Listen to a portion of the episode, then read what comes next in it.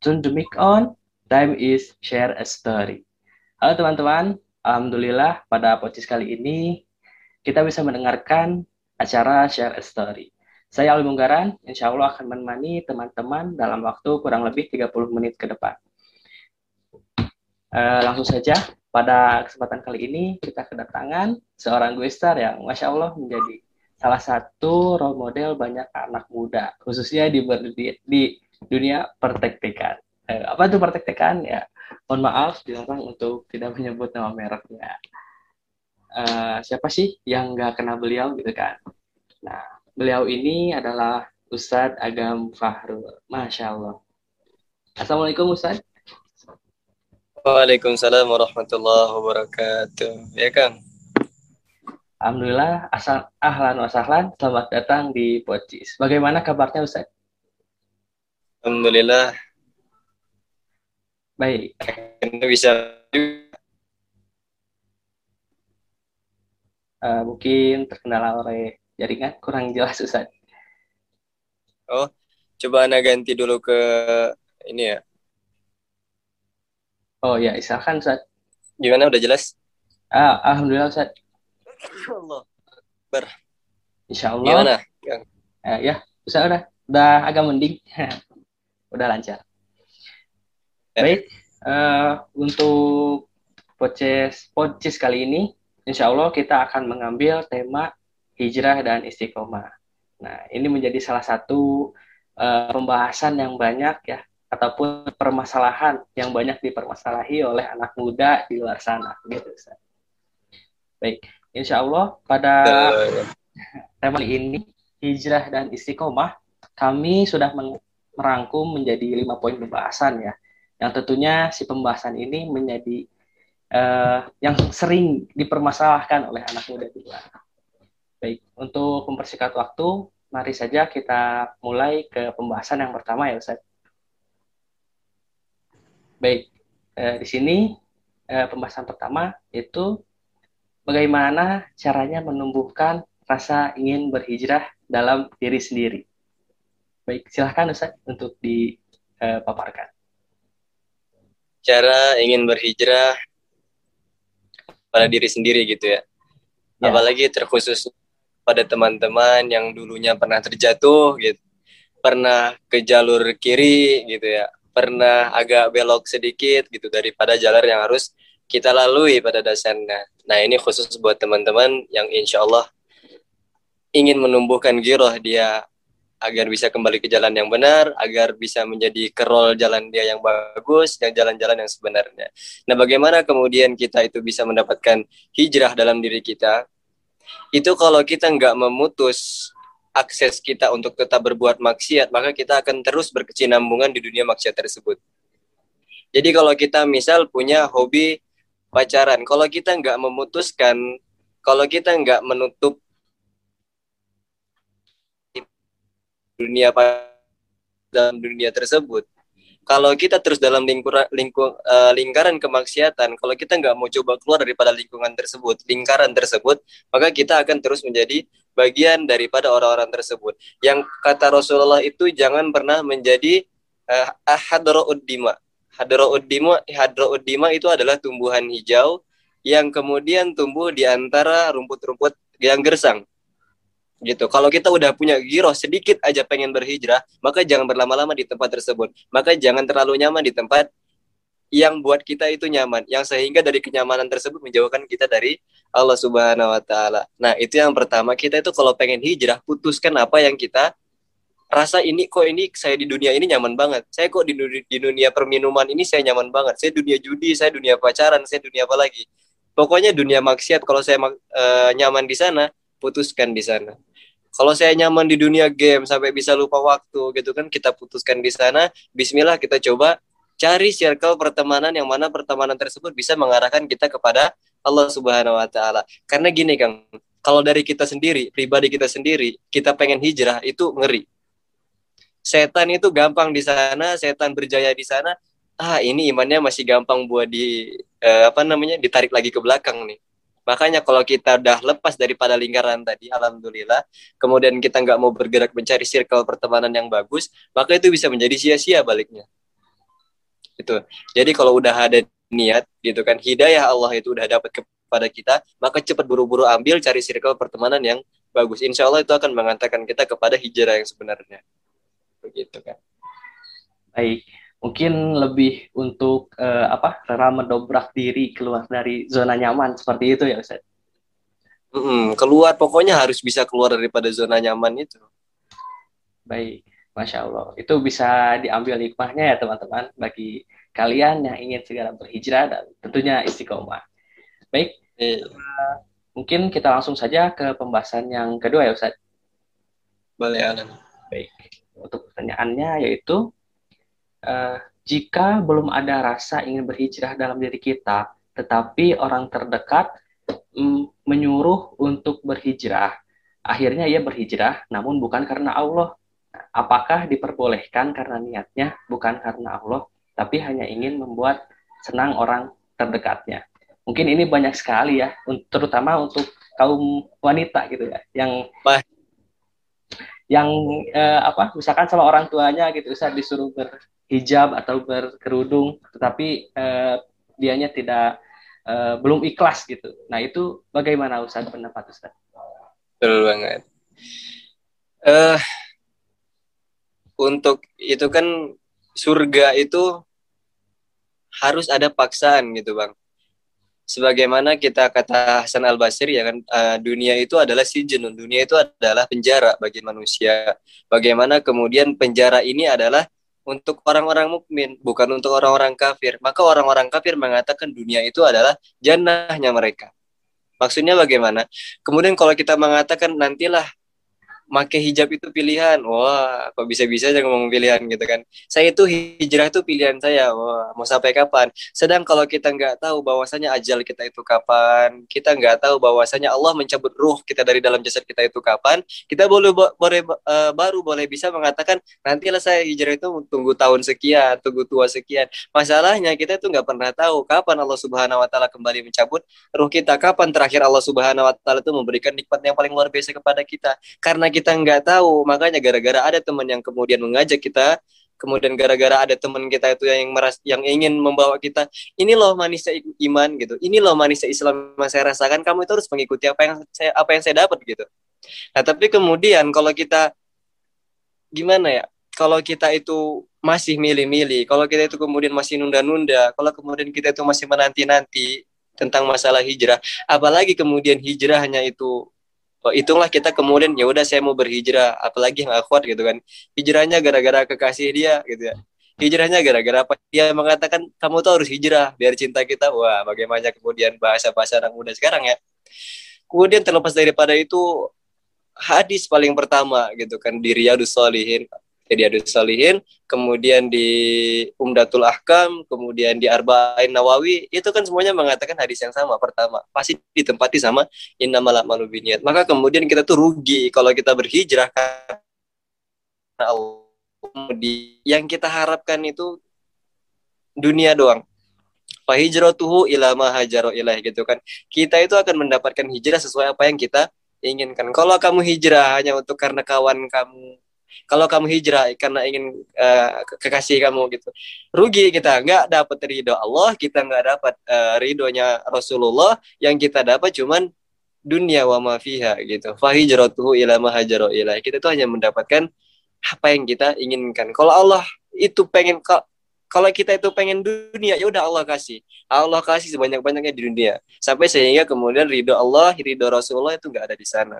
Makanya yang paling racun pertama bang ya memang sekarang itu memang lagi marak-marak banget pengen hijrah. Cuman hijrah di sini makanya kita coba pengen luruskan adalah mereka itu banyak yang hijrah gara-gara saya itu pengen mendapatkan kekasih nantinya itu yang soleh juga gitu. Saya tuh ingin berhijrah sekarang karena saya tuh pengen mendapatkan istri yang nantinya soleh, suami yang soleh nantinya. Nah di situ kita terjadi kekeliruan, kekil, kekeliruan gitu ya. Kenapa kemudian kita ingin hijrahnya hanya untuk hal sepele gitu. Karena kita tahu kalau kamu itu mengejar Allah, kalau kamu itu mendapati ingin mendapati cintanya Allah cintanya Allah Subhanahu wa taala, cintanya Rasulullah, ridhonya Allah, ridhonya Rasulullah, dunia itu akan mengikuti gitu. Apa yang sebenarnya kamu inginin di dunia kalau kamu mendekati Allah, Allah kasih lebih tentang dunia. Apa yang kamu inginkan di dunia? Kalau kamu udah cinta sama Rasulullah, Allah kasih lebih tentang di dunia. Begitu. Yang pertama gitu kan saya tuh pernah dapat sekali kata-kata dari Ustaz Yusuf Mansur. Eh, beliau mengatakan kalau kita itu eh, ingin dunia, kejar Allah Subhanahu wa taala, kejar Rasulullah Rasulullah sallallahu alaihi wasallam, dunia yang di belakang kita ini bakal ngikut gitu. Pasti bakal ngikut. Maka kita rugi, kita percuma, kita sayang banget kalau kita berhijrahnya hanya untuk hal sepete. Sayang gitu. Kapan kemudian Allah itu kan memberi hidayah uh, innaka la tahdi man ahbabta walakin Allah yahdi mayasya. Allah itu memberikan hidayah kepada siapa-siapa yang Allah Subhanahu wa taala tentukan. Ya kan? Kemudian ketika Allah Subhanahu wa taala menentukan kepada kita hidayah, kita hidayah hidayah tersebut kita uh, rombak kemudian ya udahlah saya pengen hijrah gara-gara satu hal di dunia Allah Subhanahu wa taala katakan ya udah kamu akan mendapatkan dunia tersebut gitu. Kamu nggak bakal mendapat balasan di akhirat, kamu nggak bakal mendapatkan pahala ganjaran di sisi Allah Subhanahu wa taala. Maka sayang banget kalau kita berhijrah itu hanya untuk hal duniawi. Gitu, Bang. Dan kemudian satu lagi ya ada tambahan untuk teman-teman yang akhwat ini khususnya banget. Kenapa harus menunggu perintah yang luar biasa? Kenapa harus menunggu pilihan hati kita tergerak? Kemudian kenapa harus menunggu, menunggu dan menunggu kemudian agar kita bisa berhijrah? Saya pernah dapat kabar satu kan banyak tuh yang curah-curah di DM gitu bang ya. Ada kemudian akhwat ini mengatakan ya Allah Ustaz saya itu kenapa baru mau hijrah sekarang? Sedangkan orang tua saya dulu Umi saya ngomong pokoknya sebelum Umi meninggal kamu bisa mendoakan Yasin. Kamu pokoknya terus terus terus. Maka kemudian sayang banget ketika kita pengen hijrah setelah ada goncangan yang luar biasa. Harusnya kita bisa hijrah menjadikan kita itu sebagai uh, awaladun solih gitu kan soleh untuk orang tuanya tapi kemudian ketika itu udah nggak ada kehebatan daripada ibu itu udah di Allah Subhanahu Wa Taala ambil makanya kita ya udah mau gimana lagi? Nyesel bakal nyesel banget. Gitu itu sebagian daripada curhatan-curhatan aku di netizen. Gitu Allah alam bisa baik mungkin kuncinya ada di niat ya Ustaz kuatkan lagi niat. niatnya dan uh, intinya mah lebih baik masuk surga dipaksa daripada masuk neraka sukarela ya Ustaz keinginan sendiri betul banget iya. Baik masya allah. Bisa tuh ya tips and triknya tuh. Baik kita langsung saja ke pembahasan selanjutnya. Ini ada pertanyaan seperti ini Ustadz. Bagaimana pendapat Ustadz uh, tentang hijrah yang abal-abal? Uh, masya allah ya hijrah abal-abal. Maksudnya ia sudah berhijrah namun masih melakukan hal yang tidak baik seperti pacaran ataupun melawan orang tua. Jadi terlihatnya di media sosial uh, dia sangat alim. Nah, jadi postingan dia mungkin uh, ataupun story dia itu tentang uh, yang mengajak kebaikan ataupun yang lainnya, tetapi diri sendirinya itu saat masih uh, boleh dikatakan bobrok gitu. Jadi masih perpacaran bahkan melawan orang tua. Nah, kalau seperti itu itu gimana Ustaz? Itulah padahal nggak jauh kan di surah Al-Baqarah masih awal banget. Lembar pertama Al-Fatihah, lembar kedua Alif Lam kemudian kita buka setelahnya itu paling atas masih ada. Allah Subhanahu wa taala mengatakan wa minan nasi may yaqulu amanna wa bil yaumil akhir wa ma hum bimukminin gitu kan. Kenapa kemudian ada di antara manusia itu mengatakan saya itu beriman kepada Allah, saya itu beriman kepada Rasulullah, saya pokoknya kata-kata yang keluar daripada lisan dia saya itu beriman, beriman, beriman. Tapi kemudian Allah mengatakan wa mahum bimukminin, tetapi sesungguhnya mereka itu enggak beriman. Ayat selanjutnya kemudian Allah menerangkan eh, wa minan nasi may yaqulu amanna billahi wa akhir wa hum yukhadi'una Allah waladina amanu wa ma yakhda'una illa anfusahum wa. Mereka itu berdusta gitu. Mereka itu berdusta kepada Allah, mereka berdusta kepada Rasulullah, mereka berdusta kepada orang-orang orang-orang mukmin. Allah nggak tahu, Allah tahu, Allah nggak tidur. Maka kemudian ketika ada orang yang benar-benar hijrah, Allah kasih gonjangan di sana. Ahasiban nasu ayutraku ayyakulu amanna billahi wa bil yaumil akhir wa mahum bimumin. Eh, uh, gimana ayatnya? Alan kabut ayat 2 itu? Wa mina Kemudian bagaimana kemudian Allah Subhanahu wa taala memberikan cobaan kepada orang-orang yang berhijrah ada sebagian yang mereka itu kuat daripada cobaan tersebut sehingga Allah menjadikan oh ini adalah orang-orang yang benar berhijrah. Tapi juga ada sebagian manusia yang kemudian Allah kasih uh, sedikit cobaan, mereka mengatakan, wah ini berat banget saya mau berhijrah. Nah, dibalik dari situ, kemudian mereka membungkuskan, udah telanjur masuk ke hijrah tadi, kemudian mengatakan, oh ya udahlah, yang penting orang tahu sekarang saya ini lagi berhijrah. Wow, masya Allah. Akhirnya itu yang Allah Subhanahu Wa Taala katakan, eh bukan yang Rasulullah SAW takutkan adalah orang-orang yang ruwai bidoh. Ya kan? Orang-orang yang sok-sokan tahu agama orang yang sok-sokan mengerti tentang agama orang yang kemudian sok-sokan bisa nge up tentang ilmu agama dia padahal dia nggak mengerti sama sekali tentang konsekuensi apa yang dia sampaikan. Itu itu adalah kejadian seperti ini banyak bang. Bukan saja di aplikasi yang ah pokoknya aplikasi kita nggak boleh sebut merek ya aplikasi-aplikasi itu mereka ada orang-orang yang kemudian baru sok-sokan berhijrah, ada orang-orang yang kemudian sok-sokan berhijrah hanya abal-abal, gara-gara ingin mendapatkan nama, gara-gara ingin mendapatkan popularitas, gara-gara ingin mendapatkan tentang keilmuan duniawi, tentang material duniawi, mereka itu berani nge up tentang apa aja yang sebenarnya mereka itu gak mengetahui. Itu banyak banget. Yang paling mengerikannya itu adalah Allah Subhanahu wa taala mengatakan jangan kira kami itu nggak tahu bahwasanya kamu itu berpura-pura dalam berhijrah. Jangan kira bahwasanya Allah Subhanahu wa taala itu tidur sehingga nggak mencatat apa yang kamu itu mengatakan apa yang sebenarnya nggak kamu lakukan. Ada gitu kan kabur maktan ang takulu malah alun gitu ya. Mereka itu mengatakan apa yang nggak mereka lakukan. Mereka mengatakan, ah hari Jumat itu baca Al-Kahfi, gitu ya postingannya bang ya? Yeah. kamu itu nggak boleh pacaran. Sholat lima waktu sebagai wah terus. Pokoknya tentang sosial media dia wah suci banget. Tapi kemudian dalam realita kehidupan dia dia nggak melakukan hal tersebut. Konsekuensinya dari Allah Subhanahu Wa Taala bagaimana? Kabur maktan Allah itu benci banget sama orang-orang yang kayak gini hati-hati kalau Allah uji sama ke seseorang kemudian apalagi Allah Subhanahu wa taala memberikan kepada dia tersebut uh, ruang istidraj gitu istidraj itu Gimana bang istidraj itu adalah di mana tahap Allah Subhanahu wa taala membiari dia gitu kan. Tahap di mana Allah Subhanahu wa taala melepas dia tapi tentang kenikmatan dunia Allah kasih terus. Nah, itu adalah penundaan azab yang luar biasa. Itu yang kita takutkan. Jangan pernah menjadi orang-orang yang kabur dan orang yang bisa mengatakan, orang yang hanya bisa menyampaikan sedangkan dia tidak melakukannya.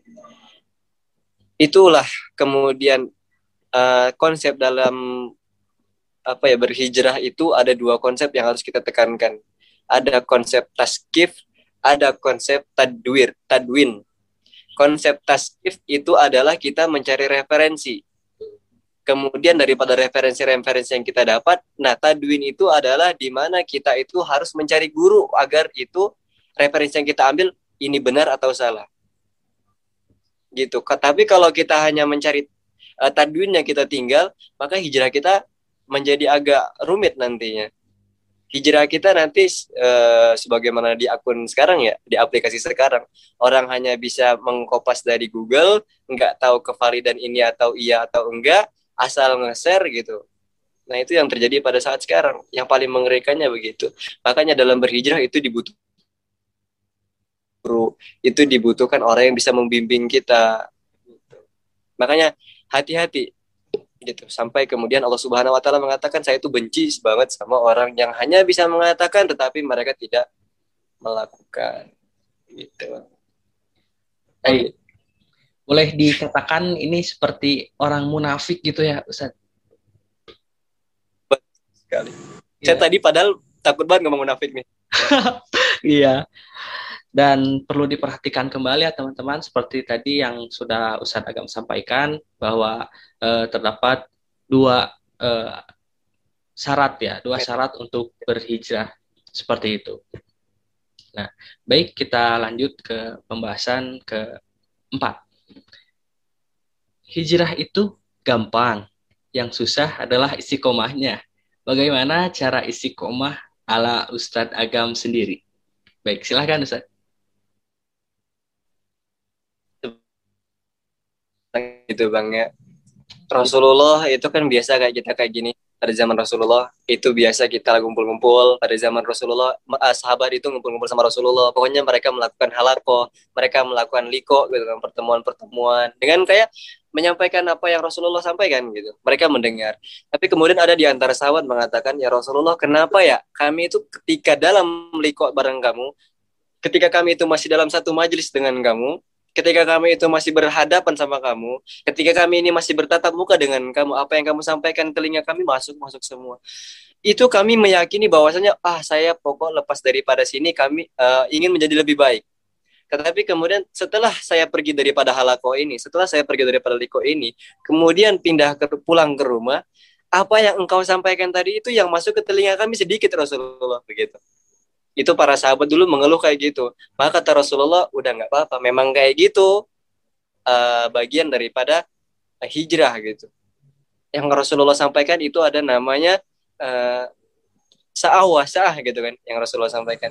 Ada waktunya ada tempat-tempatnya ada bagian-bagiannya maka kemudian kalau kamu itu bisa selepas daripada pulang halako, selepas pulang daripada liko, kajian, majelis, kamu menjadi orang yang khusyuk terus dan menerus, itu malaikat turun kepada kamu salaman sama kamu. Itu kata Rasulullah.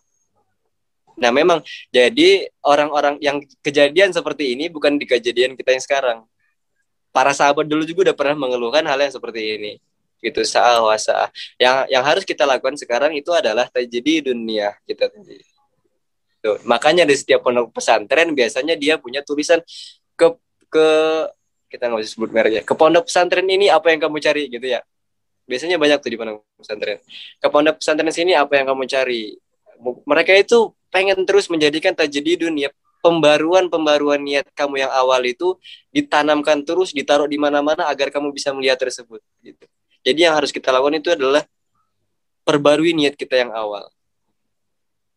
Itu bang selalu uh, melihat apa sih tujuan kita untuk berhijrah. Iya. Seperti itu ya Ustaz.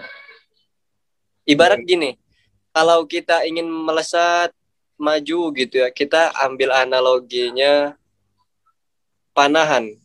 Ada busur panah, ada anak panah. Bagaimana kemudian kita itu ingin melesat berhijrah, kita itu pasti ditarik mundur dulu tarik mundur maksudnya apa kamu ini benar nggak sih kalau mau hijrah bagaimana? Tapi ke depan ke depannya kamu harus begini begini begini begini gitu kan? Kamu itu harus memperbaiki niat kamu yang awal dulu. Tarik dulu niat kamu awal ini mau ngapain sih? Gitu. Makanya tarik ke belakang itu maksudnya adalah agar dia itu tahu bahwasanya kalau kamu berani ke depan uh, konsekuensi nanti kamu harus lebih kencang nanti jalannya. Kamu bakal menghadapi badai, angin di sana. Nah, yang harus diutamakan di sini adalah makanya di sini tuh orang kemudian kalau narik busur panah itu mereka lama-lama kan di belakang. Pokoknya kamu harus memperbarui niat kamu, pokoknya kamu nanti ke depan harus begini begini begini. Nah, itu adalah analogian daripada sebelum kita melesat berhijrah. Gitu. Jadi kita tuh harus tajudi dunia di awal gitu. Baik. Uh, itu analoginya sangat ini ya sangat saya juga baru oh iya ya gitu sangat uh, memotivasi gitu sangat. Ya masya allah. Baik. Uh, kita masuk ke pembahasan terakhir ya Ustaz. Pembahasan kelima. Baik. Ustadz di zaman sekarang banyak sekali anak-anak muda yang halubel gitu. Yang tukang halu yang suka halu. Halu memiliki suatu benda, halu uh, memiliki seseorang. Nah, bagaimana pendapat Ustadz sendiri tentang milenial yang halubel ini, yang tukang halu gitu kan? Kalau gini ya bang ya. Yeah. Ini sebenarnya Ana pernah speak up ini tadi malam banget. Ya Allah. Emang mengerikan bang ya. Iya. Yeah. Nah, bagaimana sebenarnya kita itu boleh nggak sih halu? Saya katakan boleh kita itu boleh nggak sih berkeangan angan-angan kan halo itu saya itu berangan-angan pokoknya saya berhaji gitu saya pengen mudah ini pengen punya mobil saya punya HP angan-angan gitu tapi kalau kita menempatkan angan-angan ini pada suatu kebaikan itu jadinya bagus banget tapi salahnya kebanyakannya yang sekarang ini milenial kita sekarang haluers haluan mereka itu bukan kepada hal-hal yang baik. Jujur saya katakan mereka meletakkan halu mereka itu bukan kepada hal-hal yang baik. Mereka meletakkan halu itu kepada orang-orang yang kemudian dia kagumin. Orang-orang yang kemudian dia anggap sebagai role model dia.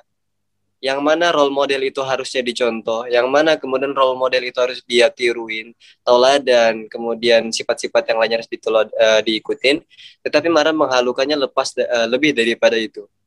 Yang mengerikannya, kalau saya pribadi akhirnya halu yang sebenarnya itu dibolehkan Rasulullah adalah ketika kamu itu boleh loh hasad kepada orang yang dua memiliki dua ini gitu kan orang yang kemudian bisa baca Al-Quran siang dan malam anak anak remaja ya kan? Kemudian adalah orang yang bisa diberi harta lebih kemudian dia memberikannya sehingga tangan kirinya tidak mengetahuinya. Nah itu dibolehkan kita dalam menghalu dalam hal dua tersebut. Yang mengerikannya yang mengacaukannya bagaimana kemudian anak-anak remaja sekarang khususnya itu wanita bang ya?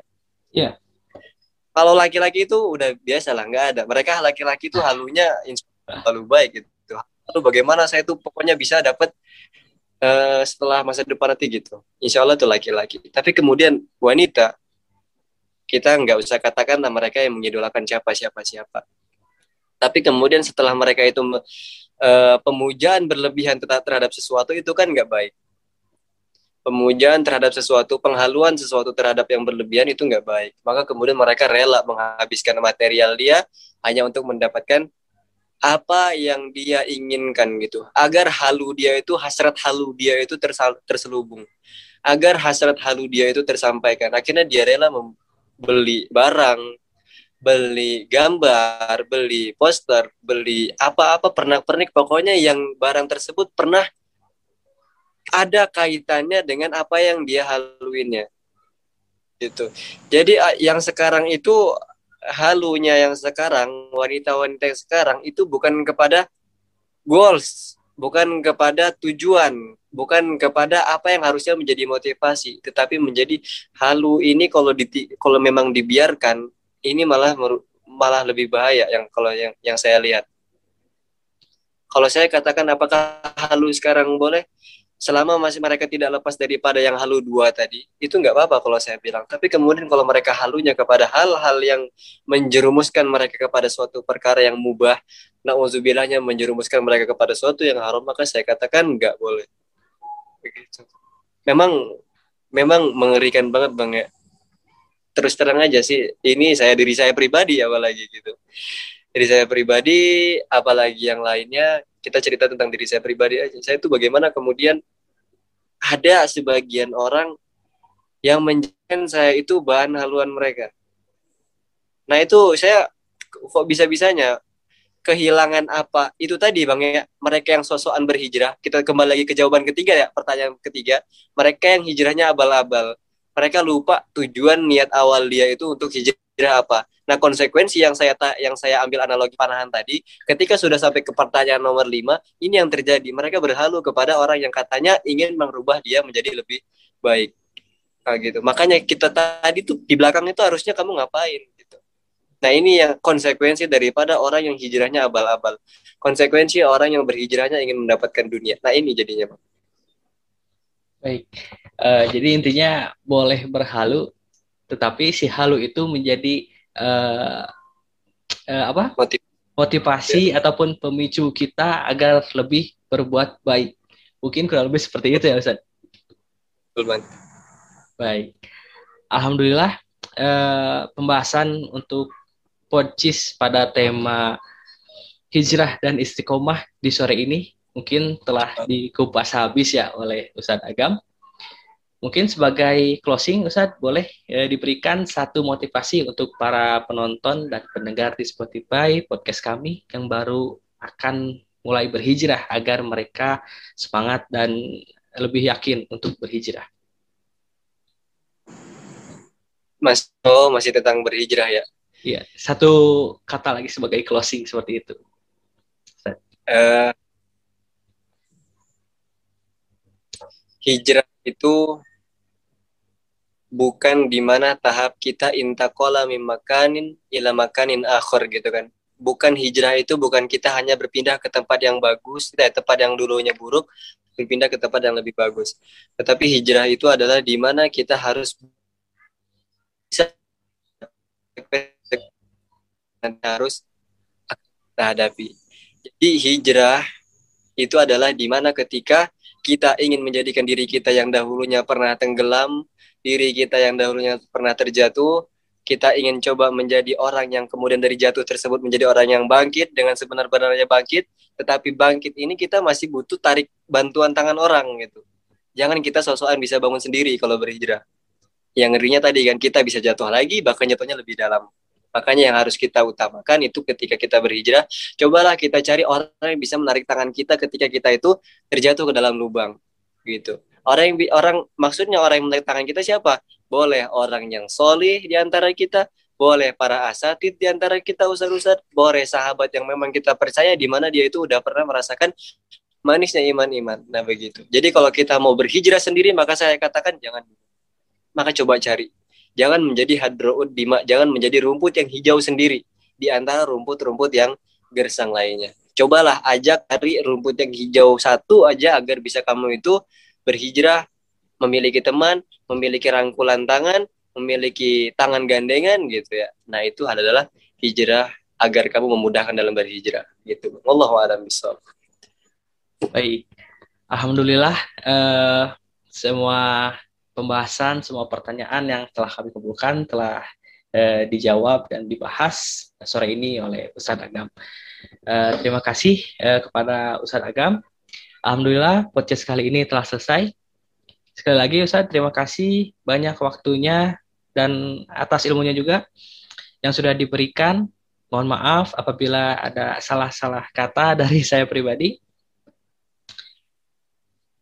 Apabila ada sumur di ladang, bolehlah kita menumpang mandi. Apabila ada umur panjang, bolehlah kita ngopi lagi. Ngobrol perkara ibadah. Saya Alwi Munggaran, pamit undur diri. Wassalamualaikum warahmatullahi wabarakatuh. Sampai jumpa. Semoga kita bisa bertemu kembali.